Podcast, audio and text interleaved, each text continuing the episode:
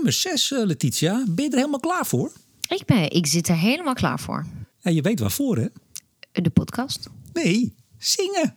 Oh ja, ja, ja, maar je hebt mij beloofd. We gaan eerst praten over waterstof en weet ik wat. En dan kan iedereen na de podcast het helemaal wegklikken. En dan ga ik een minuutje zingen. Oftewel, we gaan beginnen. Yes. Vorige week publiceerde de Nederlandse waterstoflobby de 10 waterstofcommitments van Nederland. Die commitments lijken verdacht veel op de 10 geboden. Is de lobby nu helemaal van het padje af of is dit misschien wel een heel slimme set? En is de 84 terawattuur schone stroom in 2030, waar Nederland momenteel op koerst, wel voldoende? Nee, zegt een stuurgroep in een advies aan de minister van EZK. Oftewel, we gaan het hebben over elektrificatie en hoe een kip-ei-probleem opgelost kan worden. Wellicht. En diezelfde minister van EZK wil één op één afspraken gaan maken met de grootste uitstoter van Nederland, Tata Steel. Zo kondigde hij twee weken geleden aan. Gaat dat ook lukken? En zo ja, als er één schaap over de dam is, volgen er dan misschien wel meer. We hebben kort nieuws over de ophef over Chinese zonnepanelen. En we doen aan eye-roll gymnastiek, oogrolgymnastiek zoals Letitia het noemt. Geen idee wat het is, maar ik heb er nu al zin in. Oftewel, maar nu eerst. Letitia, jij hebt de afgelopen anderhalve week onder een steen gezeten, zei je tegen me. Wat was je aan het doen? Ik, ik, ik was nog steeds bezig met de jaarevaluatie van borstelen. Ja, dat vertelde je vorige keer al. Uh, duizenden pagina's, zei toen moest je lezen. Was dat niet een beetje overdreven? Nou ja, ik weet niet of je op duizend uitkomt. Maar ik heb er zeker... Uh, ik, je, je, verdeelt, uh, je verdeelt het onder elkaar. Hè? Dus er zijn verschillende thema's. En ik had er geloof ik vijf of zes onder mijn hoede. Dat doe je met een, ja, sorry, een tandemmaatje. En we hadden zeker 400 bladzijden die echt onder ons vielen. En dan vervolgens heb je, moet je ook een beetje meelezen met wat de collega's doen. Ja, want anders hangt het maar op de tandem, eh, die paar onderwerpen. Ja, maar dat is, uh, het is gewoon, ik, ik leer er heel veel van. De, de, mijn tandem is, uh, die weet daar heel veel van. En die, uh, die, ja, elke jaar is het toch weer even, even bijliggen. Vind ik echt fantastisch om te doen trouwens. Mag ik een onbescheiden vraag stellen? Ja, tuurlijk. Wat krijg je ervoor betaald? Ik krijg ervoor betaald, ja. ja het is uh, wel een. Uh, het is absoluut geen uh, commercieel tarief wat je daarvoor krijgt. Nee, ik was zeggen, hoeveel krijg je betaald, vroeg ik eigenlijk. Wat? Als je het wil zeggen hoor, hoeft niet. Ja, ik geloof, maar dan misschien zeg ik het verkeerd dat het 100 euro per uur is. Nou, om, om te lezen? Uh, nou, om te lezen en te vergaderen. En, uh, en het is aan jou om een beetje te kijken hoeveel tijd je daarmee, uh, daarmee bezig was. De bedoeling is echt dat je daar de tijd voor neemt. En ik denk dat als het niet betaald zou worden, dat je misschien zou denken van nou, dat ga ik allemaal in één avondje doen. Um, dus het is, het, is gewoon, het is gewoon echt een, ja, een baantje. Ja. Nou goed, en nu ben je klaar? ja, ik ben klaar. En de vergadering is volgende week vrijdag. Nou, deze week vrijdag. Deze week vrijdag, ja. Kijk eens aan. Nou, dat, dat is dan achter de rug. En nu kun jij je weer vol storten op alle actualiteiten. En dus op de waterstoflobby. Ja, natuurlijk hebben wij het wel eens niet over de waterstoflobby, Letitia. Nou ja, twee weken niet lezen over waterstof en je ligt er al uit. Je ik ligt moest, eruit. Ik moest flink bijlezen, ja. Ja, want uh, er, was, nou, er was een grootse aankondiging. En uh, er werd een bidboek vol waterstofcommitments aan Diederik Samsom gepresenteerd. Kabinetchef uiteraard van Frans Timmermans. Dat werd gedaan door uh, ja, ook weer een club. Dat zijn 80 bedrijven, maar het valt dan weer onder missie H2, geloof ik, hè? Ja, dat is de naam. Ik zag wel 80 bedrijven, onder andere Jumbo supermarkten zitten bij. Nou, dan weet je, dan komt het goed met waterstof in Nederland, toch? Binnenkort bij jullie op de schappen. nee, maar echt hè. Iedere gek en dwaas zit ertussen. Oh, dat mag ik natuurlijk niet zeggen. Nou, anyway. Die kwamen dus met een bidboek vol commitments. Maar dan was het grappige. Uh, onder aanvoering van professor Future Energy Systems. Jawel, Ad van Wijk. Zijn er, ik moet het even voorlezen, want zo staat het er. Belangrijke beleidsvragen beleidsvragen, let op, zijn opgesteld in de vorm van de 10 waterstofcommitments van Nederland. En nou is de bedoeling dat Nederland die commitments gaat onderschrijven. Nou, is dat niet mooi? Ja. Um, is dat een, een, een, een open, open vraag? Een gesloten vraag? Zal ik de eerste voorlezen? Want misschien oh nee, dat de die luisteraars... is van mij. Die is van oh, mij. Oh, nou, doe, doe jij de eerste. Wij zullen waterstof lief hebben gelijk wij ook elektriciteit lief hebben. Ik las dat. Ik dacht, mijn hemel, wat is dit? En eigenlijk, weet je wat er gebeurde bij mij? Toen stopte ik. Oh, dan kan ik de 2 tot en met 10 even straks Ja. doen. Ja. Wij zullen onze bedrijven en consumenten toegang en recht geven op waterstof. Wij zullen schone waterstof gelijk behandelen naar gelijke koolstofinhoud. Wij zullen onze windrijke wateren ruimhartig openstellen voor grootschalige waterstofproductie. Can I get a amen? Amen. het is, trouwens, het is wel grappig, want ik heb, ik heb een tijdje in Amerika gewoond. En daar, als je naar de kerk gaat, heb je inderdaad dat midden de dienst dan mensen gewoon gaan opstaan en zeggen: I believe. Ja, absoluut. En, en ik moet zeggen, dat ene eerste zin deed me daar heel erg aan denken. Ja, ik ook. Ik ben, ik ben de hele tijd gaan opstaan, Letitia. Ik heb ze alle tien. Ik heb het, eh, nou zeker een keer of vijf, zes heb ik ze gelezen. Ik ben wel dertig keer opgestaan. Ik geloof ook. Wij zullen onze gasinfrastructuur, opslagfaciliteiten, tankinfrastructuur en havenfaciliteiten ruimhartig en spoedig geschikt maken voor waterstof. Amen. Nou, maar weet je, Remco, ik vraag me af, maar misschien moeten we aan de communicatiespecialisten onder de luisteraars van deze podcast vragen. Zou je niet hetzelfde resultaat kunnen bereiken met iets meer rust in de communicatie? Hebben we echt de superlatieven nodig? Hebben we echt geboden nodig? Nou ja, het zijn commitments, hè? pas op. En het zijn vragen, beleidsvragen, vertaald in commitments. En de bedoeling is natuurlijk dat iedereen deze commitments gaat onderschrijven. Ik ga ze niet allemaal afmaken, maar de la of eh, voorlezen. Maar de laatste is: wij zullen ons gezag doen gelden. Mooi, mooi, mooi woordgebruik. Wij zullen ons gezag doen gelden om zo spoedig mogelijk waterstof wettelijk te verankeren en de transitie naar waterstof voortvarend te regisseren. Nou ja, en alles wat ertussen zit, eh, staat er ook in. Nou, weet je, ik, ik zei het al in de intro. Hè. Zijn ze nou van het padje af of is dit eigenlijk wel slim? En ik ben er nog niet helemaal uit. Ik vond dit echt wel over de top. Maar ja, wat ze doen hè, al een tijdje onder aanvoering van het missie H2. Nou, wie zit erin? Eh, eh, Shell, GasUnie, noem maar op. Stedin, hè, ook een van de geloof zeven of acht founding partners. Ehm, Groningen Seaports, oh ik heb het hier. Groningen Seaports, Remea natuurlijk van de Ja, keteltjes. de ketels. Ja. ja. Port of eh, Amsterdam en Toyota. Nou, kijk eens aan. Eh, ja, ze willen een steen in die vijver gooien. Ze willen, eh, ze willen dat iedereen inderdaad zegt: ja, amen, ik geloof waterstof. En dat gaat dan met veel overdrijving gepaard. Het, het werkt wel. Ik bedoel, wij hebben het er nu ook weer over. We hebben er weer over. Maar weet je wat grappig is? In de aanloop eh, naar deze podcast... dan eh, heb ik al deze stukken toch even gelezen... omdat ik eh, wat achter, eh, achterliep in mijn, mijn leeswerk. En dan lees je ernaast het oordeel van het Groeifonds... over het voorstel waterstof. En dat is dan weer heel ontnuchterend. Ja, Dus ehm, aan de ene kant, je zei van... zijn ze nou helemaal gek geworden of is het heel slim? Eh, nou, ik heb echt heel veel moeite met de mate van, van communiceren. Het, werkt bij mij averechts, terwijl ik gewoon absoluut overtuigd ben van het belang hè, van, van waterstof in Nederland, in Europa en in de wereld. Maar dan lees ik dit soort commitments. En wat ik jou vertelde na die eerste, dacht ik, ja, waterstof liefhebben, alsjeblieft zeg. Ik heb mijn eigen man lief en mijn kinderen en voor de rest eh, elektriciteit, waterstof allemaal niet. Maar dat, nou, dat, dat, dat is dan jammer van de communicatiestijl. Maar aan die andere kant, ehm, het is ook wel zo dat er nog genoeg eh, mensen zijn, bedrijven zijn en de overheid misschien zelf. Die nog twijfelen hoe serieus dit allemaal is. Want elke keer als je kijkt op LinkedIn en iemand heeft iets gepost over waterstof, heb je altijd mensen die wat langer in de business zitten dan jij en ik. En die zeggen van ja, wacht eens even. In de jaren 60, 70 hebben we daar ook over waterstof gehad. In de jaren 90 ging het ook over waterstof. En we hebben nog eh, niet zo heel lang geleden bijna elke onderzoek wat we deden op het gebied van eh, waterelektrolyse in Nederland stopgezet. Dus ik snap wel dat gegeven het feit dat heel veel mensen het gevoel hebben van waterstof comes and goes. ehm, dat er wat twijfel zijn over hoe serieus deze nieuwe, eh, deze nieuwe rol aan, aan, voor waterstof, hoe serieus die te nemen is. Maar ik, het probleem is, en dat is de waarschuwing die ik al een tijdje geef en met mij heel veel andere mensen, de communicatiestijl zou heel erg tegen ze kunnen werken. Ja, nou, en, niet alleen communicatie. Want ik moet steeds denken aan.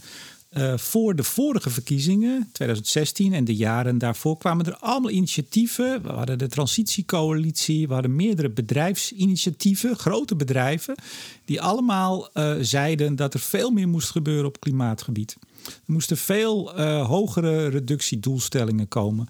Er moest een klimaatminister komen. Er moest een klimaatwet komen. En iedere ik zeg dit met respect, iedere gek en dwaas die ging daarachter staan. Maakte niet uit wie je was, wat je deed, iedereen riep dat. Het was gewoon uh, gratis scoren. Het werd op een gegeven moment zo, als je er niet bij zat, dan had je bijna een probleem. Dus je ziet dat nu ook, hè? Die, die zeven bedrijven onder het missie H2 zijn begonnen. Nu haken dus uh, de Jumbo supermarkten aan. Nou, dit bost heel snel aan. Het zijn er nu 80 uh, ik zag de TVVL, dat is gewoon een brancheclub van installatiebedrijven. Iedereen moet hier nu bij zijn. Dus dit bost enorm aan de komende tijd. Dat zag je toen ook. Je kon bijna niet achterblijven. En inderdaad, als je het dan op een gegeven moment uh, zo over de top gooit. Ja, dan moet je ook zelf gaan leveren. En dat zagen we toen met name. Uh, en dat was zelfs bij de kabinetsformatie van het vorige kabinet. Dat zelfs Rutte op een gegeven moment in de zomer vrij geërgerd was. Die zei: Ja, we worden de hele tijd maar opgeroepen door allerlei partijen uh, om meer te gaan doen. Maar als we dan vragen: wat gaan jullie leveren? Dan geven ze niet thuis. En dat zit hier natuurlijk ook onder, want dit is natuurlijk één grote roep om geld. Zoals het en- eigenlijk en altijd niks zo is. anders. Ja. En niks anders. Dit gaat gewoon om geld. Geef geld, geef geld, geef geld. En op het moment dat straks de wedervraag komt, die komt natuurlijk geheid. Oké, maar wat gaat u dan doen? En hoeveel gaat u van uw eigen centjes erin stoppen? Hè? Niet via een omweg eh, uit, uit eh, de staatsruif. Maar hoeveel gaat u er nou in stoppen? Hoeveel gaat Jumbo Supermarkt uit zijn marge halen om waterstof in Nederland een groot succes te maken? Hè? Want daar gaat dit over. Groot succes voor de werkgelegenheid, ik citeer, voor de economie en voor het klimaat. Dit is precies 2016 all over again voor de verkiezingen. En dat heeft toen heel slecht gewerkt. Op een gegeven moment zelfs hè, eh, eh, Rutte nam eigenlijk in die zin wat afstand. Buma die begon op een gegeven moment, CDA, toch ook de, eigenlijk de bondgenoten van het grootkapitaal, toen nog. Ehm, die zei ook op een gegeven moment: ja, ze leveren niet. Ze zitten wel aan die klimaattafel, maar ze leveren niet. Nou, dat grote kans dat het hier ook gebeurt. En dan ben je dus eigenlijk nergens. Nou ja, en wat ik ook maar misschien eh, moet Henry een keertje maar aanschuiven om ons een lesje politiek te geven. Maar wat ik ook niet helemaal begrijp is Wie is, wie is Henry? Henry, Henry B. Henry B. Maar dat is toch geen politicus? Nee, maar hij, hij, hij snapt er wel iets meer van dan ik. Maar, en Henry B. wordt misschien wel een politicus. Ik bedoel, het is nog helemaal niet eh, uitgespeeld. Het kan maar, nog goed komen, Henry. Het kan nog goed komen, wanhoop niet. Maar anders kom een keertje een lesje geven van hoe werkt dit dan precies? Ik bedoel, eh Tjerk, Tjerk, toch? Willinka, die, de, de nieuwe formateur. Cenk Willink. Cenk, sorry. Die loopt al een tijdje rond. Dat is niet zijn eerste rondje eh, formatie. En hij heeft al die programma's heeft hij gezien. En iedereen heeft in zijn programma iets opgenomen over waterstof. En over extra wind op zee. En over CCS en al dat soort dingen. Dus het komt toch goed. Ik bedoel, we hoeven toch niet nog een keer tien geboden op... Om vijf voor twaalf eh, nog op de tafel van de formatie te laten vallen. Ik denk dat het enige wat is kinderen die vragen... Worden. Nou, dat denk ik wel. Overgeslagen. Op een gegeven moment irriteert het gewoon men. En weet je, hier in de straat bijvoorbeeld hebben we sinds 1 april betaald parkeren. En het, het was echt een groot probleem, dat parkeren. Dat je kon je auto nergens kwijt. Mensen kwamen uit andere wijken parkeren, weet ik wat. En ik heb keer op keer tegen betaald parkeren eh, gestemd. En weet je waarom? Niet omdat ik mijn auto gewoon heel makkelijk voor de deur kwijt kan. Nee, omdat ik buren hier heb die bijvoorbeeld pannenkoeken op ruiten van mensen gingen, gingen smijten. Hondenpoep gingen smeren op, de, op, die, op die deuren van de mensen. En dan denk ik, dan wil ik me daarvan distancieren. Dus het probleem is, dat hebben we vaker ook gezegd, de tonen en de woorden die je gebruikt, die doen er echt toe. En je kan zomaar krijgen dat mensen zeggen van, nou, ik word er zo klaar mee, ook al was ik er ooit mee eens, nu bij deze niet meer. Dus ik zou zeggen van nu eventjes misschien twee maanden niks meer over waterstof zeggen. Ja. Of ze gaan straks met, eh, met eh, hondenpoep gaan ze smeren, de waterstoflobby. Dat kan ook nog. Nee, nee, nee. Nee, het is een hele positieve lobby. Dat moet je zelf maar meegeven. Het is geen doem en, eh, doem en, en hoe noem je dat? Ver- verdoemenis of een lobby. Het is echt een positieve lobby. Het gaat altijd over groene banen en, en Nederland waar altijd mooi weer wordt. En, Maar het is in Nederland wel over het algemeen zo, en daar heb ik zelf ook wel wat ervaring mee. Als je op een gegeven moment niet meeloopt in de lobby, sterker nog, als je daar kritisch op bent of ze misschien wel eens een beetje onder vuur neemt, wordt ook niet gewaardeerd hoor. Letitia? Ja, maar je kan gewoon even stilletjes zijn. kan stilletjes zijn. Nee, maar zo, die lobby in Nederland, ik bedoel, dan, dan gaat iedereen aan boord. Maar dan wordt iedereen die niet aan boord is of daar kritisch op is, die wordt ook wel uit de boot geduwd hoor. We, we zijn niet zo ruiterlijk om ook uh, kritiek uh, binnen te halen. Nee, Valt ik, mij zei altijd niet, op. ik zei niet kritiek. Ik zei alleen gewoon even, even een, een stukje gewoon minder hard schreeuwen. Nee, ik had het ook over mezelf hoor. Oh, oké. Misschien krijgen wij allebei geen subsidie uit de waterstofpot. Geen subsidie en ik, ah man, ik kom nooit meer ergens binnen. Maar goed, hey, um, Yes. eye-roll gymnastiek. Je stuurde me dat. Ik vond het zo'n mooi woord. Ik, bestaat dat of heb je het zelf bedacht? Eh, dat, eh, dat is in ieder geval iets wat wij gewoon met mijn moeder heel vaak gebruiken. Dat ze, dat ze zegt dat ze gewoon weer eh, gymnastiek heeft gedaan eh, met de oorleden. Ja, oogleden bedoel je. Oorleden. Ja, ik kan het niet goed uitspreken. Ik moet het altijd gewoon uitbeelden voor de kinderen. Oké, en, dat- en dat betekent eigenlijk dat je je ontzettend hebt lopen verbazen over iets, denk ik. Hè? Je rolt je ogen weg in je hoofd. Dat is het toch? Ja, dat is verbazen dat je gewoon denkt van, oh mijn god. Ja. Nou, wat, wat, wat was het deze keer wat jou de ogen deed rollen? Nou, ik vond de laatste blog eh, van, eh, van Pieter Boot over, de, over het verschil tussen België en, en Nederland. Ja, Pieter Boot, chef, klimaat, energie en heel veel bij het PBL Planbureau voor de Leefomgeving. Bij deze keer was het in zijn rol als columnist. Ja, maar dat is altijd een beetje lastig, hè, welke rol het Dat is. hebben, we al, dat hebben we al een keer gezegd. Maar Zo, zo, zo kon Rutte bijna weggestuurd worden om zijn rol als eh, fractievoorzitter, als premier. Nou, het loopt allemaal door elkaar. Eh, Pieter Boot, daar gaat het over. M- meneer B.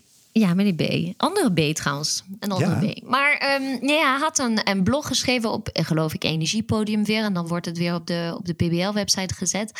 En dat ging over eh, hoe kan het dan dat eh, twee landen die ooit één waren... en dat is dan België en Nederland... en hij gaat heel erg terug in de tijd, hè. Hoe kan het dan dat er nu een land is die aardgas wil verbannen... En dat zijn wij dan. En dat een land als eh, België, die is van stookolie eh, eh, in, in, in units om, om huizen te verwarmen, over aan het gaan naar gas. En dat, wij dat, dat zij dat zien als een verduurzaming en dat wij bezig zijn aardgas eruit te gooien. en dat zij hun kerncentrales snel willen sluiten en dat wij, En dat willen sommige nieuwe. politici ze willen openen. Ja. En dan denk ik van ja, weet je, het, het is wel een beetje voor de telegraaf. Mag ik dat Ik vond het een sprookjesvertelling van Ik, ik, vind het, ik vind het een beetje zo'n. eh, Je hebt ook eh, die ex-minister die ook altijd ehm, iets vertelt bij de Telegraaf, die eh, plaatskerk of zo. En dat is, Plasterk, denk ik. ja, ja dat ik vind het altijd een beetje super simplistisch en een beetje populistisch geschreven. En ik denk van, ik hoor zo vaak mensen zeggen: waarom gaan we hier van het aardgas af en in Duitsland krijgen ze subsidie voor aardgas? Dan denk ik van ja, het gaat volledig voorbij aan hoe het systeem eh, ontstaan is zoals die ontstaan is. Je hebt gewoon ooit keuzes gemaakt. En die keuzes en die geografische omstandigheden. België heeft bijvoorbeeld wel grootschalig hydro, dat hebben we hier niet. Doen dat je gewoon nu met nieuwe keuzes eh, te maken hebt. En ik denk echt van ja, wat is dit voor blog? Dit is.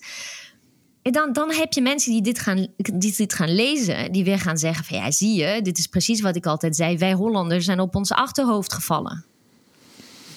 Ja, ik vond, ik vond het. eh, ik denk hoor, maar ik, ik bedoel dit niet lullig, of misschien ook wel, ik weet het niet. Ik dacht dat hij niet zo heel veel inspiratie had. En hij heeft gewoon twee landen even tegenover elkaar gezet. En dat moest een, een beetje een rond verhaaltje worden. Want aan het eind zegt hij ook: Nou, het zou nuttig zijn als we onderling de keuzes uitwisselen en vergelijken. Hè, en dat we dan van elkaar sterke punten kunnen leren en zo. Dat, ah, het was niet zijn beste eh, blog. Ja, laten we het, het zo was zeggen. trouwens heel mooi geschreven. Ik kan altijd wel genieten van, van mooi Nederlands. En hij eh, beheerst de Nederlandse taal eh, veel beter dan ik.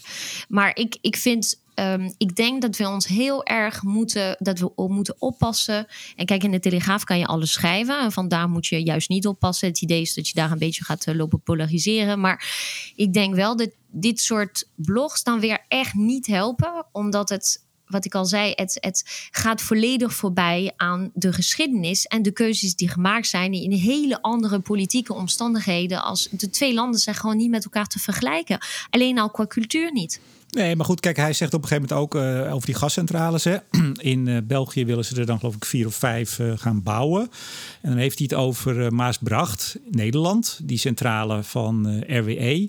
Ja, die mag, die mag niet worden aangezet. Die wil eigenlijk zich rechtstreeks aan laten sluiten op het Belgische net. Ook rechtstreeks gaan leveren aan het net. En dat, is, dat wordt tegengehouden. En dan schrijft hij: ja, de verantwoordelijke noordelijke liberale minister is daar niet voor dat vond ik ook zo dat ik dacht van ja, bedoel, ja, logisch. Uh, wij krijgen hier uh, lekker de uitstoot en de stroom gaat letterlijk meteen uh, de grens over naar ja, de Belg. Maar je zou ja. daar wel, kijk, dit, dit argument heb ik ook vaker gehoord. Je zou er wel afspraken met elkaar over kunnen maken. Ja, maar ik, vind, maar ik, vind het, ik vond het een beetje makkelijk om te zeggen. De, en ineens ging het toen over de noordelijke liberale minister. Ja, dit is gewoon kabinetsbeleid. Wat hetzelfde PBL en hetzelfde Pieter Boot mede nou ja, adviseert en vormgeeft. Maar goed, ik vond het gewoon niet een hele sterke. Maar ik vind het fijn dat jouw oogspieren weer heerlijk uh, zijn getraind hierdoor. Ja, het is wel trouwens mijn favoriete smiley in mijn, mijn telefoon. Dat is gewoon volgens mij de smiley die ik het meest gebruik bij WhatsApp en Twitter, weet ik wat. De oorrol smiley. Goed zo. 45 terawattuur. Extra hernieuwbare stroom nodig in 2030. Ja, dat zegt een stuurgroep. De stuurgroep, hoe heet het ook weer? Extra inzet of zo? Nee, extra opgave. Extra uitgave, dacht ik. Uitgave? Opgave? De opgave. Oh, dit is echt niet mijn uh, beste Nederlandse dag. Sorry. Ik, uh, opgave. Nee, ik snap, ik snap, dat jij bij Pieter Boot al onder de indruk bent. Die spreekt... Die spreekt wel vlekkeloos Nederlands. Uh, stuurgroep, waaronder, uh, althans bestaand uit, onder meer de voorzitter van de uit, het uitvoeringsoverleg van de elektriciteitstafel, uitvoeringsoverleg van de industrietafel, Jan-Jacob van Dijk de eerste en Caroline Gerels de tweede. Hans Grunveld van de FEMW zit erin. de baas van Vattenval, Martijn Hagens. En Mark van der Linden, nu nog even de, de CEO van Stedin, want die gaat ook weg. Of ook weg, die gaat weg. Um, ja, in het klimaatakkoord uh, sturen wij op 84 terawattuur in 2030 schone stroom. Nou, is dat wel genoeg? Hè? Daar zouden we ook naar gaan kijken dit jaar. Dat is al vastgelegd in dat uh, klimaatakkoord in 2019. Nou, deze commissie komt uh, tot de conclusie dat er meer bij moet. Sterker nog, meer dan de helft meer. Ja. Ik had, nou. Zal ik even beginnen met. ik vind het toch wel grappig, maar ik lees dus, uh, ik, ik voorbereid deze podcast ook door gewoon uh, met mijn eh, partner thuis gewoon, uh, gewoon het gesprek aan te gaan en een beetje mijn, mijn mening bij hem even te toetsen. En, en hij had het ook gelezen en ik had het ook gelezen. En we hadden allebei, maken we boven, boven dat document die wij dan geprint hebben, maken we aantekeningen. Ja, jullie printen alles, hè? begrijp ja, ik altijd. ik ben echt wat dat betreft heel triest. Ik moet echt alles printen. Hoeveel, maar, dozen, uh, hoeveel dozen A4-papier komen er bij jullie binnen dan per week? Ja, nou, we draaien het dan uh, weer om en dan maken we gewoon de boodschappenlijstjes van, of weet ik wat. Dus dat, uh, dat doe ik ook. Dat doe ik ook. het is gewoon een circulair, circulair proces. Nee, maar. Um, en we hadden allebei boven het rapport precies dezelfde zin geschreven. Dat vond ik toch heel erg grappig. En dat was: No shit, Sherlock. Yeah. Allebei, precies deze zin. Vond ik grappig. Nee, um, dit is uh, de extra vaag waarvan je wist dat die zou komen. Ja, want het idee is dus, even voor uh, de, de toelichting. Ja, kip-ei-probleem. Ik zei het al. Hè? Dus aan de ene kant de industrie, daar is heel veel elektrificatiepotentieel, zoals het zo mooi heet. Die zouden uh, af kunnen van hoe ze het nu doen en aan de stroom gaan. Uh, maar ja, dan moet die stroom er wel zijn. Eén, die moet dus, hè, er moet voldoende opwek zijn. Uh, vervolgens moet het ook nog eens aan de deur komen. Oftewel, de infrastructuur moet op orde zijn. En ja, die opwek die komt er pas in die infrastructuur als de, de netbeheerders en ook de, de opwekjongens ook zeker weten dat er vraag is. Nou, zie daar het kip-ei-probleem. Het is wel de. We hebben het een keertje gehad over de voor de koffie en de na de koffie. Uh, dit was, uh, weet je nog, ik had het een keertje ja. over de kef. Nou, dit is typisch uh, iets wat echt wel na de koffie al lang op tafel lag, maar wat gewoon niet meegenomen was. dus het feit dat je. kijk, er is altijd gewoon uitgegaan van wat mij betreft een veel te lage eh, raming van, uh, van de elektriciteitsvraag. Ik heb normaal, we hebben echt Henry een keer nodig. Ik heb nooit begrepen waarom dat zo was. Uh, maar goed, dat zal wel te maken hebben met, met het politieke proces. Um, destijds konden we niet praten over een extra vraag. We moesten doen alsof we gewoon echt drie jaar moesten de, de markt doorvragen of er echt wel vragen aan te komen zat. Ja, maar jij, zat, jij zat aan de elektriciteitstafel. Aan de elektriciteitstafel, ja. ja. En, en dus we moesten de hele tijd doen alsof van nog een hele onzekere iets zou zijn of er gewoon uh, extra vraag zou komen.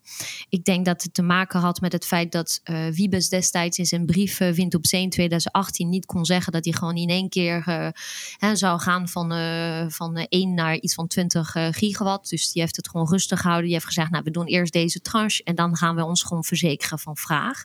Ja, maar even, even Letitia, er staat toch wel al in het klimaatakkoord een soort 50 terawattuur beetje vaag bovenop die 84. Daar moest toch nog naar gekeken worden. ja, dat, dat was, dat was altijd een soort van plus-scenario. Ja. En nu is, die, is deze plus-scenario eigenlijk gewoon helemaal niks nieuws bekend. Dus dat vind ik wel uh, best wel bijzonder. Van ja, er is wel een bidboek geweest aan. Dat was de bidboek van de, van de week. Je hebt elke week een bidboek. Nou, deze keer is het waterstof. Zullen we ook een keer een bidboek gaan maken samen? Ja, we gaan, we gaan ook voor een, uh, we gaan voor een bidboek. Laten wij gewoon met, met heel veel luisteraars tot een bidboek komen. Ja, doe jij de administratie dan graag? Dankjewel. Misschien is die op tijd bij, uh, bij, de, aan de, bij de formateur. Zeker. Nee, um, uh, twee weken geleden in de podcast hadden wij het bidboek Industrie. Weet je nog, aanbod van de industrie. Tuurlijk. nou goed, dit zijn allemaal plannen die al een tijdje bekend waren. Dus ja, wat mij betreft is niks nieuws bekend. Er is niks nieuws gebeurd. Dus dat zijn allemaal gewoon nog steeds plannen in PowerPoint. Maar uh, nu wordt dit gezien als: oké, er is genoeg zicht op extra vragen. 42 terawattuur extra vraag. Ik denk dat het trouwens best wel aan de lage kant is. Maar goed, ik, ik wil best wel uh, handen over mijn hart strijken dat het al in de goede richting gaat. En ze zeggen ja, dat moet gematcht worden door uh, extra productie. Ja, en dan zijn er een aantal adviezen. Want ze zeggen ook: ga nou niet zozeer die opwek stimuleren, maar ga de hele keten stimuleren. Hè, zodat ja. iedereen slot aan elkaar verbonden is. Uh, ja, dat, dat is logisch. Ik heb hier een aantal punten die ze uh, zeggen. Uh, start nu met actieve vraagsturing. Nou ja, snappen we. Elektrificatie van de industrie op gang brengen. Gericht op inderdaad 42 terawattuur. Punt 2. Faciliteer de realisatie van 45 terawattuur extra hernieuwbaar. 3. Neem de noodzakelijke maatregelen die efficiënte en tijdige realisatie van de infrastructuur mogelijk maakt. Ook helder. 4. Faciliteer de ontwikkeling van flexibiliteit in het gehele energiesysteem. Nou, dat is wel even een flinke, een flinke scope. Uh, en 5. Orchestreer de complementaire ontwikkeling van de waardeketen voor elektrificatie in de industrie. Nou, prachtig toch? Ja, nou ja, dat, dat, dat, uh, dat komt natuurlijk omdat er een keuze is gemaakt die ik ook nog steeds gewoon totaal niet begrijp. Maar goed, om ooit te zeggen dat die windparken op zee zonder subsidie uh, ontwikkeld moesten worden. En nu komt men erachter dat ze gewoon heel moeilijk te financieren zijn. En dat je daar allemaal een Amazon bij moet halen om dat gewoon uh, dat plaatje rond te krijgen. Dus nu zeggen ze van ja, wat er niet meer aan subsidie aan de productiekant gaat, moet er aan de vraagkant bij komen. Maar wat, wat ik nou niet begrijp, en dat meen ik oprecht, en misschien dat jij het me kan uh, uitleggen. Kijk, de, de stuurgroep die zegt, nou ja, hè, dat moet eigenlijk gelijktijdig zich ontwikkelen, maar er zal wel wat mismatch zijn. Ja, logisch. Hè? Het is niet ja. dat iedere kilowattuur die, die de fabriek in kan ook precies op het moment uh, beschikbaar is. Dus enige mismatch is niet helemaal te vermijden en ook eigenlijk wel logisch, zeggen ze. Maar je kan dit toch omdraaien, want ik vind dit zo typisch Nederlands. Uh, en dat komt ook omdat ik met een uh, uh, projectje bezig ben waarbij ik veel jaren terugkijk en je dit dus heel vaak ziet. Wij moeten het altijd ideaal doen. Alles moet altijd gelijkmatig. Het moet van alle kanten. Hè? Iedereen verbindt zich aan elkaar, waardoor we eigenlijk allemaal weinig doen. Want iedereen kijkt naar elkaar. Dat kip-ei-probleem, dat creëren we voor een deel, voor een deel zeg ik, ook zelf. Want stel nou, stel nou dat je als kabinet of als industrie zelf zegt: wij zorgen dat wij het potentieel aan elektrificatie in 2030 gewoon, we bouwen die, die boel om, we bouwen die fabrieken om op stroom. Ja? Ja. Dat doen we. En dan kijken we welke stroom we binnenhalen. En als er niet genoeg uh, uh, groene stroom is, schone stroom, dan nemen we voorlopig eventjes fossiele stroom. Gascentrales, ja. Bijvoorbeeld. Uh, zoals ze dat nu dus ook in België. Want ik geloof dat ze in België, schreef Pieter B.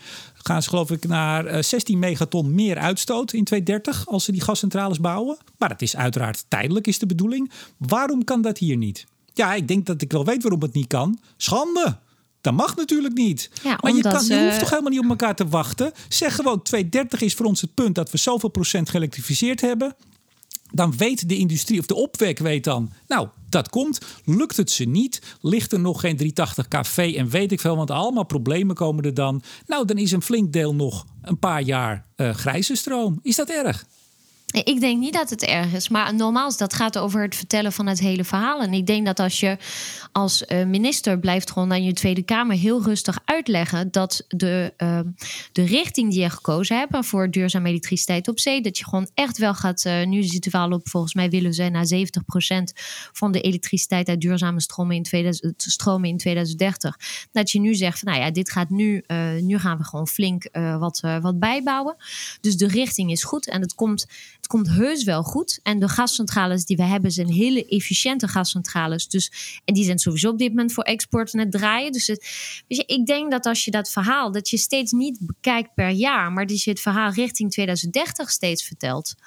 Dat je gewoon kan zeggen van ja, en dus moeten wij een stap maken richting elektrificeren. En wat grappig is, is dat voor elektrische auto's doen we dat wel. Ik bedoel, elektrische auto's. Steeds zegt de minister van ja, ik snap wel dat iedereen vindt dat ik zou moeten berekenen met een fuel mix waarin nog kolen en gas in zit. Maar in 2030 is 70% van deze stroom duurzaam. Exact. Dus waarom zou je dit niet voor de industrie kunnen gaan doen? Nou, omdat het dan om hele grote getallen gaat. Dan gaat het om megatonnen uitstoot. En ik denk dat je daar, en dat is dan toch het politieke landschap wat we op dit moment hebben: van uh, we gaan het zo over zonnepanelen hebben en, uh, dwangarbeid. Ophef en uh, schande. En zonder dat we dan goed naar de, de achterliggende zaken kijken. Als jij nu vertelt dat we misschien vanaf 2030 vijf jaar lang meer uitstoot hebben, dat krijg je niet verkocht. Nou, dat krijg je niet verkocht, maar er zit, er zit ook een geldelement bij. Hè? Ik denk dat uh, elektriciteit is nog duur. Uh, gas is relatief goedkoop en olie ook. En ik denk dat de, uh, de, de, de industrie ook denkt van ja, weet je, beste minister, ik wil best wel gaan elektrificeren. Maar ik wil een beetje een, een soort van bandbreedte hebben van waar die elektriciteitsprijs naartoe gaat. En dit is dus, wordt een paar keer gesproken over een price gap hè, in, deze, in deze brief.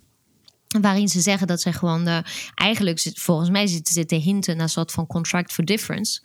Waarin je als uh, windpark op zee zegt van ja, ik verkoop mijn stroom. En dat de overheid tegen je zegt van ja, de bandbreedte voor je stroom is uh, eh, 40 als laagst getal en 50 als hoogst getal. En dat garanderen wij als overheid. Dus als de stroomprijs ooit onder de 40 komt, maakt het niks uit. Dat krijg je van ons gewoon. Ja, maar goed, weet je, kijk, hier speelt een beetje hetzelfde als bij die waterstoflobby, waar voor een deel ook dezelfde bedrijven bij zitten. Iedereen roept van we, gaan schoon en we gaan duurzaam, we gaan elektrificeren, want dat is de toekomst. Dat is hier ook voor een, voor een deel. Uh, ja, dat zou best eens kunnen betekenen dat je meer geld kwijt bent. Ja, nou en? Dat wil je toch zo graag? Ik bedoel, weet je, dit is, je zit, die kip-ei-problemen nogmaals, die, die leggen we ook voor een flink deel zelf. Iedereen gaat naar elkaar zitten kijken. De, de, de uitstoot moet permanent steeds lager worden. Ja, ik denk dat je gewoon moet accepteren dat die hoger wordt. En dat de prijs ook wel eens wat gaat doen. Maar ja, dan moet je misschien niet zo hard roepen dat je dit allemaal heel graag wil. Moet je gewoon eerlijk zijn. Zeg, nou, ik wil het wel, maar het mag me niks kosten wat ik me wel afvraag, trouwens, ik heb uh, terug, uh, ik wil zeggen de geschiedenis, maar een stuk uit maart is nog niet echt uh, helemaal geschiedenis, denk ik. Maar ik ben toch weer gaan kijken naar de verkiezingsprogramma's die door PBL waren doorgerekend. Want nu wordt er gesproken over zo'n 10 gigawatt wind op zee additioneel in 2030. En ik heb nog teruggekeken en behalve de SP en GroenLinks, alle andere partijen zaten daar flink onder. Ja. Um, dus ik denk dat uh, de stuurgroep de politiek hiermee wil confronteren. Om te zeggen van ja, weet je, uh, op basis van jullie programma's is geen enkele basis voor elektri elektrificering van de industrie richting 2030. Dus dit is een, ik vond dat behoorlijk een signaal. Van ik had gedacht van nou, iedereen gaat gewoon de zes zitten. Van de, de zes is ook wat D66 wil en de PvdA wil dat ook. Nou, CDA die zei twee, maar goed, nou, misschien dat zes ook acceptabel is. Maar zij gaan net zo hoog zitten als GroenLinks. Ja, maar mijn les van de afgelopen jaren is toch dat uh, die verkiezingsprogramma's en die doorreng, die kun je gewoon echt, echt in het archief of in de, hoe heet het ook weer, het verticaal of het rondarchief, in de vuilnisbak gooien. Nee, dat snap ik. Maar goed, als niemand aan de klimaattafel, sorry, aan de formatietafel gaan zitten, stel dat ze allemaal gaan zitten en ze gaan zeggen van ja, jij had ook e-, extra wind op zee, wat had jij, wat had ik, dan zou je denken dat je altijd op een lagere compromis uitkomt. Zeggen, je gaat nooit, als ik tegen je zeg, ik, ik wil gewoon uh, 100 euro uh, bieden voor uh, weet ik wat je auto en uh, je wil ook 100 euro bieden, dan gaan we toch never nooit uitkomen op 150 met z'n tweeën. En dus, ja, en dus nu vind ik het gewoon best wel bijzonder dat niemand, behalve GroenLinks, die uh, boven de 10 zit. En dat, uh, dat zij nu adviseren van ja, beste mensen, eigenlijk is het is, het ranzige minimum is nu echt 10 gigawatt op zee extra in 2030. Ja, nou over uh, tot slot over no shit Sherlock. We gaan gewoon een shitload aan zon, of, uh, windparken bouwen op zee. Dat is wat we gaan doen. We gaan wel zien wat er uitkomt aan de formatietafel. Dan mag je hopen dat de industrie gaat elektrificeren. Overigens, wat mij ook nog altijd is opgevallen. Weet je nog toen in 2018, begin 2018, minister Wiebes aankondigde dat we naar nul gingen met Groningen gas. En dat dus de aantal grootverbruikers die moesten, ik geloof binnen die twee, een brief gelijk. Ja. Kregen gewoon een brief. U moet er, u moet er eventjes mee gaan stoppen. En uh, nou, ga maar kijken of je wil elektrificeren of dat je uh, ander gas wil gaan gebruiken. Nou, storm en ophef. Ik heb er nooit meer wat van gehoord. Jij? Ik, nee, ik, heb, ik heb ook niet gehoord of daar een opvolging op gekomen is. Maar goed, uh, hij is wel doorgegaan met het, het terugdringen van, uh, van, uh, van gasproductie in Groningen. Maar of het nou consequentie voor de industrie heeft gehad, dat nee. Dat, nee, maar ik wil maar zeggen, er is vaak meteen ontzettende ophef. ik, ik zou wel eens benieuwd zijn wat er gebeurt als het, als het nieuw kabinet zegt... in 2030 is er voor zoveel procent van de Nederlandse industrie geen gas of anderszins beschikbaar. U, u gaat maar aan de stroom en kijk maar hoe het lukt. We hebben nog wel een potje. We horen wel welke plan u heeft. Krijg een heel andere dynamiek. Maar goed. Maar nou, Remco, even één ding. Uh, want uh, ik vind dit, kijk, nu uh, praten we daar een beetje gekscherend over. Maar ik vind dit een hele belangrijke brief. Dit is echt de bijlage aan het klimaatakkoord die, waar we met de hele tijd op hebben zitten wachten. Voor mij is het, daarom zei ik no shit Sherlock, dat is echt pure logica dat deze brief er ligt. Wat ik zei, ik denk dat ze zelfs aan de lage temperatuurwarmte voor die industrie echt aan de lage kant zitten. Ik zou ze willen tippen om te kijken naar het Agora-rapport. Maar goed, dat tip ik vaak genoeg. Uh, maar wat ik wil zeggen is um, dat ik denk, waar ik me zorgen over maak, de volgende KEF die komt in oktober. En in oktober, dan stelden we nog drie maanden gaan formeren of weet ik wat. En vervolgens moet je gewoon en dit gaan doorvertalen in beleid. Ik vrees dat er een hele grote kans is dat deze extra vraag naar elektriciteit in 2021 in de KEF weer niet voorkomt. En dat betekent dat we nog steeds doorgaan met een niet realistisch beeld van de vraag. Dat de E-prijzen te laag blijven, waardoor uh, de windparken heel moeilijk uh, te financieren zijn. Waardoor mensen die nu op zee moeten gaan ontwikkelen, weer met een hele moeilijke riskafdeling, die tegen ze zegt: ja, maar volgens KEF wordt de prijs, uh, de prijs helemaal niet zo hoog.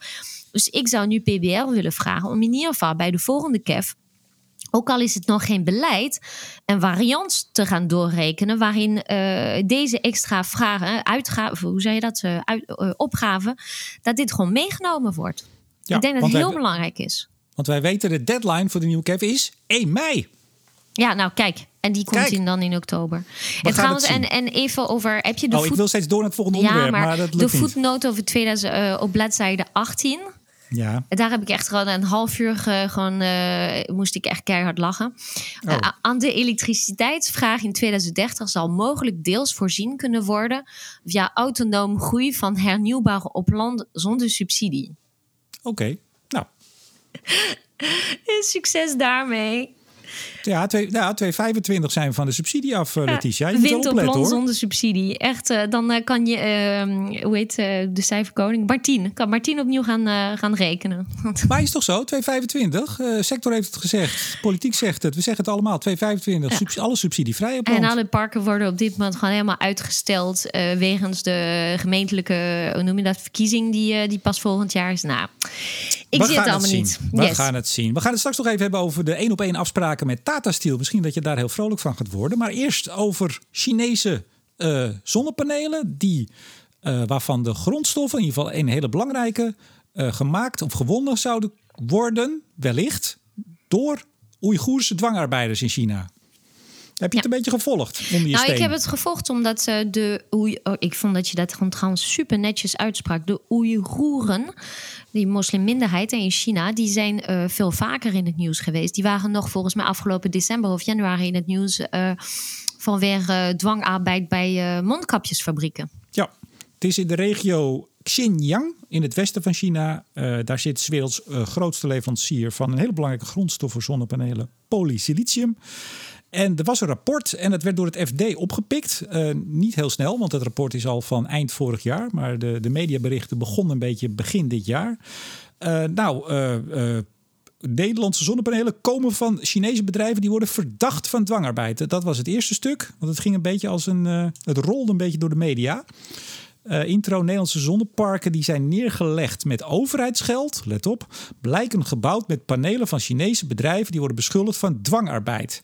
Nou, dat vond ik al een beetje een uh, te kort door de bocht, hè, want het ging over de toeleveranciers van die zonnepaneelfabrikanten. Dus het is niet dat daar in een, in een fabriekshal dwangarbeiders die panelen in elkaar staan te Nee, dat heeft Holland Solar ook gewoon, vond ik, heel goed gezet. Ze hebben gezegd van we kunnen heel goed kijken naar de, de, de, de arbeidsomstandigheden in de fabrieken. Maar dit gaat over nog meer upstream in de keten, dus echt bij de mijnen. Nee, maar in de krant stond dus eigenlijk als je dat snel leest, dan denk je nou, daar staan mensen die dingen in elkaar te schroeven als, als dwangarbeider. Overigens, wat natuurlijk een drama is, hè? want ik, ik heb iets met uh, dit verhaal in de krant. Ik zal je zo ook vertellen iets over de achtergrond.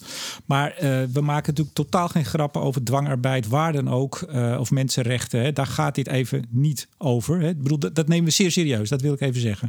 Nou, volgende dag politiek verontwaardigd over foute Chinese zonnepanelen. De politieke partijen spreken schande schreef het FD van het bericht. Nou, dat stond niet helemaal goed, alsof ze uh, schande spraken over het FD-bericht. Maar het ging natuurlijk over de dwangarbeid.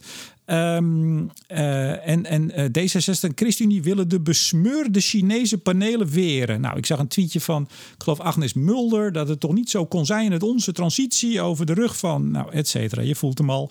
En er kwam nog een commentaar in het FD overheen, een hoofdredactioneel commentaar. Weer een dag later, mensenrechten voor klimaatneutraal. Het riekt naar slavenarbeid, uh, beschuldigingen links, rechts. Nou ja, iedereen in rep en roer. En weet je wat ik toen deed, Letitia? Nee. Ik dacht, ik wil dat rapport wel eens even lezen. En? Ik kan het niet vinden. En dat begon eigenlijk een beetje een, een, gekke zoektocht van mij. Ik heb er een paar uur uh, in gestoken. Uh, dat vind ik nog niet eens zoveel. Maar wellicht is het artikel in het FD ook in een paar uur gemaakt. Dus zou je kunnen zeggen, is daar dan wel tijd voor? Het is gemaakt door Horizon Advisory. Het zou eind vorig jaar zijn uitgekomen en begin dit jaar uh, kwamen daar uh, in, in, heel veel media, met name in Amerika, kwamen daar berichten over. Dus nou, ik eerst naar Horizon, Horizon Advisory. Als je naar die website gaat, er staat geen adres op, er staan geen telefoonnummers op. Je kan alleen contact krijgen via een, een hoe zeg je dat? Je moet een venstertje invullen. Er staan geen namen van medewerkers of niks. Is raar, toch? Ja, dat, dat uh, riekt niet helemaal naar, uh, naar transparantie. Maar, uh, dus, nou. dus ja, dat vond, ik gek. Ik denk, nou, wat is dat dan? Nou, doorgezocht, doorgezocht. In een artikel in op een van de Amerikaanse nieuwswebsites vond ik twee namen van twee onderzoekers die het onderzoek geschreven zouden hebben. Emily, ik weet niet, het zijn een beetje lastig uitspreekbaar namen. Emily de la Bruyère en Nathan Pikarsik. nou, blijkt dus, en ik heb er een paar uur in zitten, dus ik heb niet alles. Ik heb ze ook nog niet gebeld. Uh, even uh, een beetje de redelijkheid van mijn tijd uh, hierin in ogenschouw nemen. Maar het lijkt erop dat zij met z'n tweeën dat Horizon Advisory hebben. Ja, nou, dat kan. maar ze werken alle twee bij de Foundation for Defense of Democracies. Daar zijn ze senior fellows. Nou, wat is dat dan weer? Dat is een soort denktank-achtige club nou ja, dat, dat lijkt het eigenlijk. Uh, die zijn opgericht uh, na de aanslagen van 9-11. en het is eigenlijk een, een Israëlische lobbyclub. Althans, om uh, de. Je hebt meer van die clubs in Amerika vooral, hè? die de standpunten van, van Israël en vooral het belang van Israël moeten behartigen. Nou, de, de, de, de club, dus dat Foundation for Defense of Democracies, wordt een, een beetje een Havik-achtige neoconservatieve tank, denktank genoemd en lobbyorganisatie. Sinds 19, 2019 zijn ze ook officieel een lobbyorganisatie. Uh, en daar werken deze twee. Nou, dan ben ik nog eens gaan kijken wat ze dan uh, uh, doen. En vooral die Emily de La Bruyère, die is heel actief. ook, ze heeft als vaste tweet in haar tijdlijn dat het de Oeigoerse onderdrukking moet stoppen. Ben ik het overigens totaal mee eens. Dus daar geen, uh, geen uh, discussie over.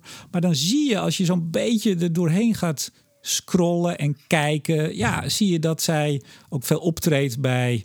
Uh, bij podcasts en bij andere congressen. Als het gaat over eigenlijk het beschermen van de Amerikaanse werknemers, de, de industrie. En eigenlijk, nou, als ik het heel, heel plat zeg zwart-wit, gewoon anti-China. Uh, China zit, is gewoon fout en uh, daar gebeuren hele foute dingen. Dat is overigens ook zo. Maar dat is even het, het perspectief. Nou, een, een beetje een Havik-achtige neoconservatieve club uh, waar ze werkt. En dan voor Horizon Advisory, waarvan ik dus niet weet en ik hoop dat iemand het rapport wel heeft, want ik sluit niet uit. Ik, ik kan redelijk goed zoeken, weet ik, door de afgelopen jaren. Maar ik sluit niet uit dat ik uh, toch niet goed gezocht heb. Dus als iemand die luistert het onderzoek wel heeft, stuur het me alsjeblieft. Het kan nog steeds allemaal totaal deugen en prima zijn. Maar wie was de opdrachtgever van het onderzoek? Ik bedoel, één, ik ken het onderzoek niet. Twee, ik weet niet wie, het, wie, het, uh, wie de opdracht heeft gegeven, als er een opdrachtgever is. En als je in dit web duikt van die, uh, van die denktanks, waarin Amerika die barsten ervan, ook aan de linkerkant, rechterkant, noem maar op, nationaal, nationalistisch of niet. Ik vind als er dit uitkomt, en eigenlijk is de, de beschuldiging dat er verdacht, verdenkingen zijn tegen die industrie, en dat zou best eens kunnen kloppen in China dan wil je toch ook als media, als krant, als FD, wil je toch op zijn minst dat onderzoek hebben. Ik hoop dat ze het hebben. Ja, wat, maar, maar, geef dan informatie. Want als ik dit zo lees, dan denk ik, nou, ik zou dit artikel uh, niet hebben durven afdrukken als ik het had geschreven. Ik zou het te shaky vinden. Want het is vooral, want dat vind je wel. Je vindt heel veel mediaberichten over het rapport. Uh, bij gerenommeerde media hoor, dat absoluut. Maar ik zou het rapport willen hebben. Maar wat mij wel een beetje verbaast is dat er werd gezegd van, nou, die da inderdaad wel Holland Solar van we weten hoe het staat in de fabrieken, maar we weten niet uh, verderop in de keten. Bij kolen weet ik uh, uit mijn tijd bij, uh, bij Nuon, zeg maar, dat er allerlei convenanten en afspraken en internationale ramingen waarin je toch uh, de keten meenam. Dus ik denk dat schermen met we weten wel wat er gebeurt in de fabriek, maar we weten niet wat er gebeurt in de mijnen en daar valt niet achter te komen. Ik denk dat dat een beetje te makkelijk gezegd is. Ik denk dat er altijd wel afspraken te maken zijn. Maar kijk, wat ik. En jij, jij, bent gaan kijken naar de wijze waarop dit bericht in de media is gekomen.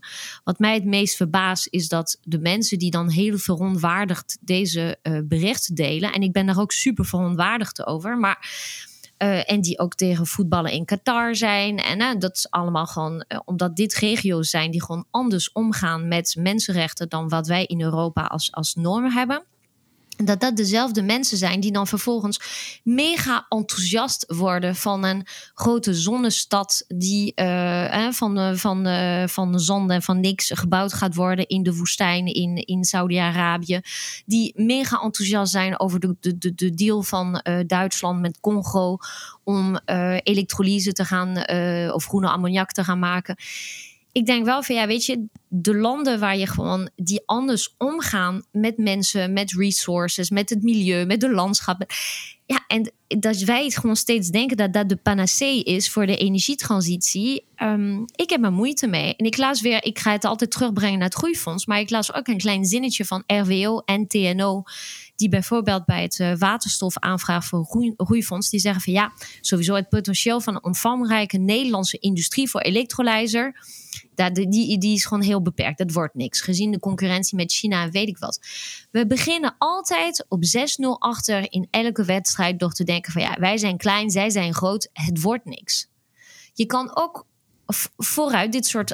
Je kan altijd gewoon van tevoren dit soort keuzes maken. Je kan zeggen van het wordt misschien niet economisch gezien de meest rationele deal die we ooit gedaan hebben. Maar als we mensenrechten echt heel hoog in het vaandeel hebben, dan gaan we daar iets extra's voor betalen om met ja, Nederland te ontwikkelen. Overigens zie ik juist dat Nederland ook altijd begint met dat wij koploper in de wereld uh, gaan worden. Uh, maar niet in het maken, alleen in het afnemen en betalen van nou, andermans technologie. Nou, in de jaren 70, volgens mij was het in 76, toen we dachten we, gaan, we, moeten van, uh, we moeten toch eens wat aan het milieu gaan doen. Uh, we moeten ook uh, na de oliecrisis van 73 we moeten meer zelfvoorzienend worden. Wilden wij in de windenergie gaan. Daar werden allerlei programma's voor opgestart. Met toch echt het idee dat Nederland ook leidend zou kunnen zijn. En misschien zou moeten zijn in de wereld als het gaat over het maken van windturbines. Dat hebben we natuurlijk heel vaak gedacht met heel veel zaken.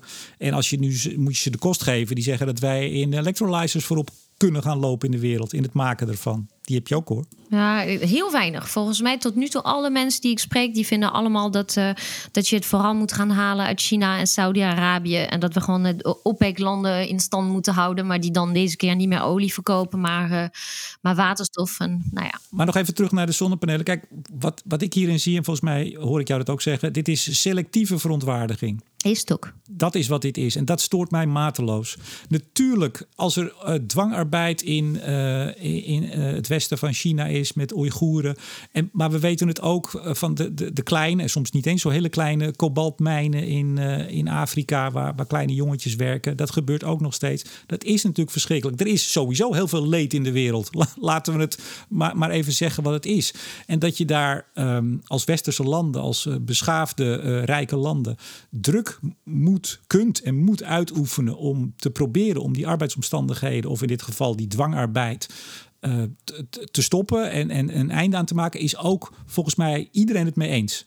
Toch? Ja, maar doe dat dan. Gewoon, maar ga daar echt iets mee doen. Ja. Nou ja, doe dat dan. Maar, maar kijk, die, die, die plotse korte opwinding hè, in het rapport van Bosman over het functioneren van de Kamer, onder andere of de uitvoeringsinstanties, ging het ook over de, hoe is het ook weer, de uh, op, nee, ik zeg het even in mijn eigen woorden, ophef, uh, regelreflex.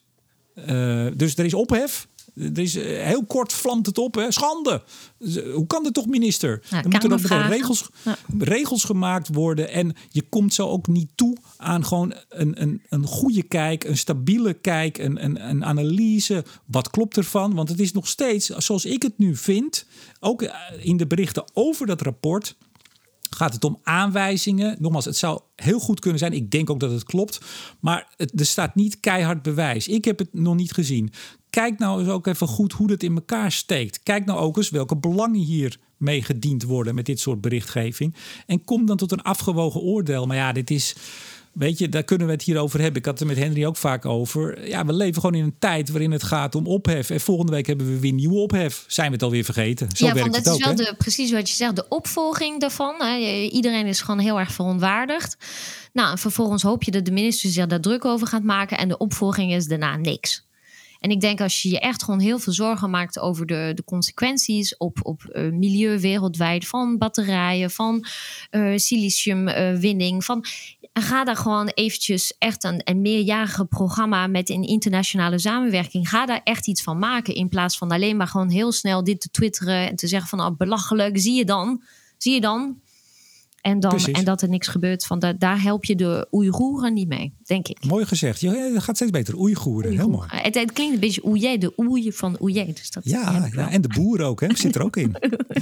hey, we gaan gauw door, want we lopen weer flink uit de tijd. Afspraken, Tata Steel. Ja, daar was ineens een brief uh, twee weken geleden. Nou, uh, en, en een, uh, zelfs een expression of principles. Een heel document met... On Kende the je dat? Een expression of... Ik had er nog nooit van gehoord namelijk.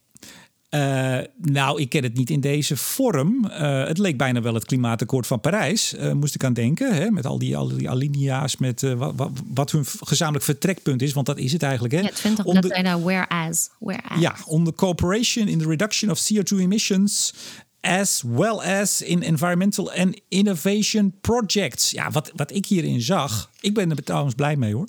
Maar het, is, het was vooral ook heel veel uh, opsmuk, zoals dat in het slecht Nederlands heet. Om te laten zien, kijk eens, dit is belangrijk mensen. Je had ook gewoon een intentieovereenkomst of een, het had ook bij de brief kunnen blijven. Maar en, uh, ja, het, het, was, uh, het had veel theater ook in zich om maar te laten zien. Wij laten Tata Steel niet zakken. En wat was de aanleiding? Belangrijk. Motie van de PvdA, jouw PvdA, uh, William Moorlach. Ja. Alweer nou, bijna een jaar geleden, ik geloof juni vorig jaar. Unaniem aangenomen. Hè? Gebeurt niet zo vaak in de Kamer. 150 stemmen voor dat overwegende dat uh, de staalindustrie heel erg belangrijk is. De regering werd verzocht om uh, ja, toch maximaal ervoor te zorgen dat die Nederlandse staalindustrie kan blijven innoveren en verduurzamen. En was het verzoek aan het kabinet. En zo nodig daar onconventionele middelen voor in te zetten. Die nou, heb ik nog niet gezien trouwens. Die, die, nee, die staan hier nee, niet in. Nee, maar dit is, dit is natuurlijk wel de voorloper daarvan. Hè? Want wat zou jij onconventionele middelen vinden om Tata Steel hier te houden? Ja, ik denk dat, uh, dat het idee zou zijn dat je dan bijvoorbeeld van. Ik zat eraan te denken van stel dat je waterstofleidingen uh, naar Tata Steel wil gaan, uh, wil gaan leggen. Dan maak je een soort van onlogische afslag. En van het is niet helemaal onderweg tussen Rotterdam en, en Groningen dat je dan een soort van meerjarige contract afspreekt met Tata Steel. Dat je zegt van nou ja, weet je, we gaan deze pijp bouwen. Maar we willen dat jullie bijvoorbeeld tekenen dat je nog uh, 15, 20, uh, 40 jaar in Nederland blijft. Dus dat je echt een uh, soort van een beetje voorwaardelijk om zal gaan met je infrastructuur. Terwijl het meestal niet zo gaat. Ja, plus dat Tata Steel in de, in de etalage staat. Dus het ook maar weer de vraag is, als je nu de, de, ja, de afspraak maakt met de huidige eigenaar, ja, dan kan je weer een voorwaarde maken als overheid bij de overname dat ze daar ook voor tekenen. Ja, dat zou ik wel doen. Dat het gewoon dat het geldt voor elke nieuwe eigenaar die het overneemt. Anders heeft het geen enkele waarde. Ja, maar wat is, wat is de waarde van zo'n handtekening? Ik bedoel, kijk, Tata zegt nu zelf, zij stoppen nu 300 miljoen in uh, een programma dat heet Roadmap Plus. Dat gaat eigenlijk vooral over de gezondheids- en milieurisico's. Hè. Ze liggen flink onder vuur, ook lokaal, uh, bij de, de bevolking. Velsen en omstreken. Um, ja, en de minister zegt, uh, nou ja, ik herken, uh, dus, dus het kabinet gaat helpen hè, met infrastructuur, vergunning, verlening, alles wat ze kunnen noemen, knelpunt op dat vlak op te lossen. Nou, prachtig. Dat doen ze natuurlijk bijna altijd wel. Ja, ik vond het wel een interessante zin dat ze erkennen dat er een, een forse en vaak onrendabele top zit op die investeringen. En de minister zegt: Ik zal alles doen om de transitie. Pardon, nee, ik zeg het verkeerd. Mijn ministerie zal passend en mogelijk mee over toegang. Nou, ik, zit een beetje ik zit een beetje half te lezen. Dit komt niet helemaal goed mijn strotje uit. Het komt erop neer: we gaan helpen met geld. Nee, dat las ik er dus niet in. Ik wel. Wij heb je echt, er staat niks vast aan wat EZK gaat doen. Er staat erin van. En whereas uh, iedereen plannen heeft en whereas de Nederlandse overheid een eigen beleid heeft, blijven wij met elkaar in gesprek en wij onderkennen dat jullie hè, de, nodige problemen en dat soort dingen hebben. Maar volgens mij zitten, hebben we hier geen enkele cent belasting beloofd nog. Nee, belooft zeker niet. Nee, absoluut. Nee, maar dit document, dit is een opstapje. Dit is een beginnetje. Dus we hebben eerst die motie zorg ervoor dat Tata hier blijft en dat ze vooral ook verduurzamen. Oké, 150 van de 150 Kamerleden zeggen: zorg daarvoor. Minister gaat aan de slag, Wiebes nog. Dit is maanden gesproken met Tata. Dit, hier zit een heel lang traject. Ik denk heel veel mensen de, erbij betrokken zijn geweest. Absoluut, ja. heel veel. Nou, dan ja, dan kan je niet meteen zeggen we gaan een check overmaken. Dus dan komt de volgende stap, dat die expression of principles. Dat we allemaal vinden dat uh, Tata gewoon behouden moet worden. Dan zeggen we vervolgens, nou, we gaan een beetje helpen knelpunten oplossen. Maar we erkennen dat er onrendabele investeringen zijn. En dan zegt eh, de minister ook: het gaat om uh, toegang tot gerichte financiële instrumenten. Daarbij gaat het zowel om bestaande nationale instrumenten als toegang tot Europese fondsen. Nou ja, daar staat uiteraard niet letterlijk, er komt geld die kant op, maar dat staat er wel onder. Impliciet staat hier linksom, rechtsom. We gaan zorgen dat het goed komt. Maar kunnen wij, ik bedoel, ik weet het niet. Ik, ik, normaal net als jij, ik ben er blij mee. Maar kan het zo zijn dat we straks in een situatie belanden dat er met Tata een aparte deal wordt gemaakt met geld? En dat het niet met de andere uh, zes of zeven grote bedrijven wordt gedaan. Dat kan echt niet. Nou, dat is dus inderdaad de volgende stap. Is dit er nou één schaap over de dam en dat er meer gaan volgen? Kijk, wat wel bijzonder is, er zitten, uh, zegt Tata zelf, en er is al een onderzoek naar gedaan, er zitten 11.000 medewerkers in Nederland. Heb je gezien trouwens de creatieve boekhouding? Van ze zijn wel verantwoordelijk volgens ze voor 1% van alle banen in Nederland. En ik zat een beetje bij mezelf te denken. Ik denk dat ik ook zo ongeveer 12 mensen in leven hou in Nederland met salaris. Maar dat is wel bij de Belastingdienst ook iemand die dan denk ik een middagje per jaar van bij mij bezig is. Kijk eens aan. Nou ja, dit is wel, ja, wel leuk. Ik heb dat inderdaad, ik zag dat, ik heb het niet allemaal uh, opgeschreven op mijn aantekening nu, maar in ieder geval 11.000 medewerkers in Nederland, 47.000 indirect. Dat en dan denk je, nou, dan zijn we er. En, uh, ja. ja. Maar er zijn er ook nog 28.000 veroorzaakte banen. Ja. ja, bij, bij EZK en bij de Belastingdienst en bij, bij Tenet. En, uh, nee, maar goed, weet je, ja. En, maar wat wel interessant, dat uit uh, uh, onderzoek, onder andere de World Steel... dat is denk ik de, vak, de vakorganisatie... behoren ze wel tot de top 10 met de laagste uitstoot in de staalsector wereldwijd. Ja, als dat waar is, hè, dat, dat, dat kunnen we ook niet altijd maar aannemen. Maar goed, het schijnt zo te zijn. En, uh, maar nogmaals, ik, ik denk dat het goed is. Alleen, nee, dat wou ik zeggen. Goh, ik ben ook helemaal van apropos. We zijn al over het uur volgens mij bijna. Oh ja, ja. Kijk, dit is ook wel heel veel. Hè? Want uh, ik denk dat de BP-raffinaderij in Rotterdam... nou, die zullen ook zeggen dat ze heel veel mensen aan het werk hebben. Maar het is wel echt een stuk minder, hoor. Uh, ja, ik weet niet, met creatieve boekhouding kom je aan een heel eind. Maar ik vraag me af waarom BP nog niet een whereas, whereas, whereas expression of principle heeft voor Havision. Nou, misschien dat er geen 150 kamerzetels hebben gezegd... u moet kosten wat kost BP Nederland overeind houden.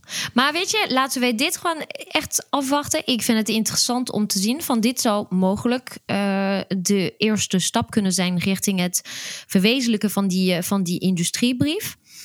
Uh, alleen ik vraag me af, het staat nu dat ze volgens mij 7 megaton willen gaan uh, in CCS of zo. Vijf. Vijf. Vijf. Vijf van de zeven waar het plafond nu nog op staat. Um, nee, ik vind... nee, nee, nee, nee, nee, nee, ho, ho, ho.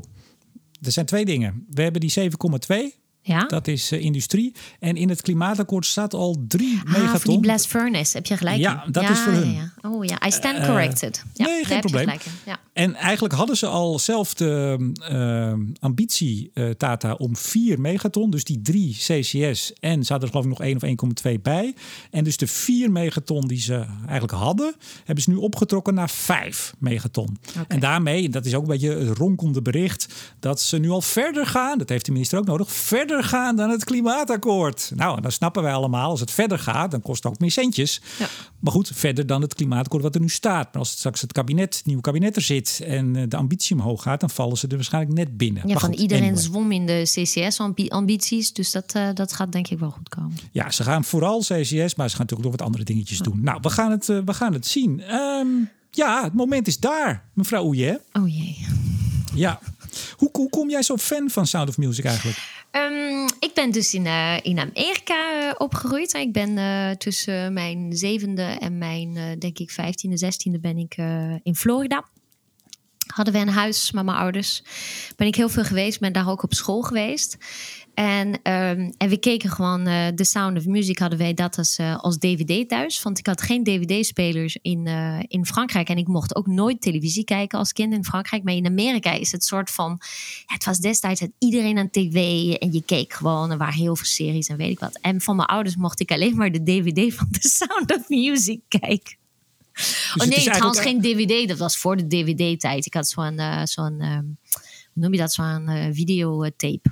Maar dat was om jouw eh tere kinderziel af te schermen van verderfelijke invloeden, denk Ja, ik, of niet? ja, mijn moeder, die, ik had een keertje had ik gewoon gezien dat twee mensen zoenden.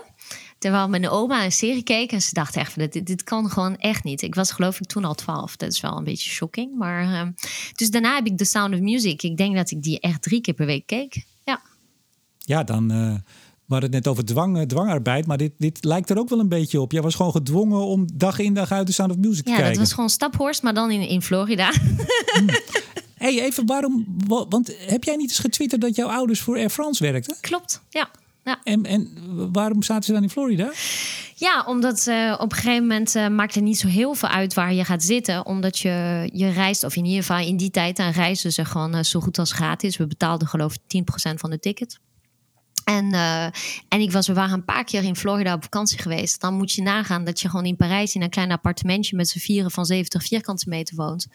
En dat je eh, gaat op vakantie in Florida en die eerste de beste condominium die je huurt is 150 vierkante meter met een tennisbaan en een zwembad en een en alles kon, weet je. En school was zoveel leuker dat mijn ouders op een gegeven moment dachten van ja, we zijn ook gek ook. Dus wij gingen, we, we hadden een soort van formule waarbij ik vijf, zes maanden per jaar in Amerika was en de rest van de tijd eh, in, ehm, in Frankrijk. Dus ik mocht ook gewoon het eh, bij de Pine Ridge Middle School in Naples, Florida, mocht ik gewoon even op school komen. Nou, en daar dus heel vaak de Sound of Music gekeken. De Von Trapp familie. Ja. Eh, Julie, Julie, dat was de, de film al met Julie Andrews. Met Julie Andrews, ja. Musical van, zeg het maar. Van, van The Sound of Music. Nee, de- de- Oh, van eh, Bernstein, volgens mij toch? Ja, Rodgers en Hammerstein. Hammerstein, sorry. Ja, ja ik, ik heb het opgezocht. Ja. Nou goed zo, je hebt echt je research gedaan. Ja, ja. Nou ja, kijk, ik vind het zo lief dat jij gaat zingen en zo mooi. En jou- jouw man noemde het eh, tijdens de repetities aandoenlijk wat jij eh, eh, voor geluid voortbracht. Ik dacht, daar kan ik toch minstens mijn best doen om een beetje te verdiepen in de Sound of Music. Ik heb ook, toen jij zei wat je gaat- zingen, I Have Confidence in Me, heb ik dat natuurlijk even opgezocht. Nou, ik, ik zit er helemaal klaar voor. Oké, iedereen mag nu even de podcast uitzetten. Dat snappen jullie. Hè? Je bent klaar met hardlopen. Zet hem uit. Goed zo. Moet ik aftellen of doe je het zelf? Ik ga even zelf beginnen. Het eerste koord gaat altijd mis. Dus ik hoop dat die in één keer goed gaat. What will this day be like? I wonder. It could be so exciting to be out in the world, to be free. My heart should be widely rejoicing. Oh, what's the matter with me? I've always longed for adventure, to do the things I've never dared. Now here I'm facing adventure, then why am I so scared? A captain with seven children. What's so fearsome about that? Oh, I must stop these doubts, all these worries. If I don't, I just know I'll turn back. I must dream of the things I am seeking. I am seeking the courage I lack. The courage to serve them with reliance, face my mistakes without defiance, show them I'm worthy, and while I'll show them, I'll show me. So them bring on all their problems. I'll do better than my best. I have confidence they'll put me to the test, but I'll make them see I have confidence in me. Klaar. Nou, ik vind het fantastisch. Ik ga dit nooit terugluisteren. En ik ga niet klappen, want als één iemand klapt, dan klinkt dat heel erg lullig. Nee. Maar ik heb ademloos zitten luisteren. Je zei het is een minuut, volgens mij is het langer. De, de tijd stond gewoon even stil, Oh. Letitia. Wil iedereen heel lief zijn op Twitter en gewoon hier niks over zeggen? Maar eigenlijk vind je het stiekem wel heel leuk dat je het gedaan hebt. Hè? Hey, nou, ik ben er vanaf. Ik ga nooit meer iets beloven bij deze. Dus ik heb geen andere skills, dan weet je dat. Ik vond het prachtig. En ook de, de, de, de, de confidence die je hebt om het te zingen. Je zal op Twitter wel gaan horen eh, wat andere mensen ervan vinden, maar dat doet er totaal niet toe. Het was prachtig. Oké, dankjewel. Wil jij de afsluiter doen? À la prochaine. Nee, de Oh. straat is rustig. Ja, sorry. Ik, ik Oh. ben zo bang dat we iedere keer, dat vind ik wel leuk hoor. We vergeten het keer- en dan krijgen we op onze... Ja. La rue est calme, Remco. Il ne se passe rien. Tot de volgende keer. À la prochaine.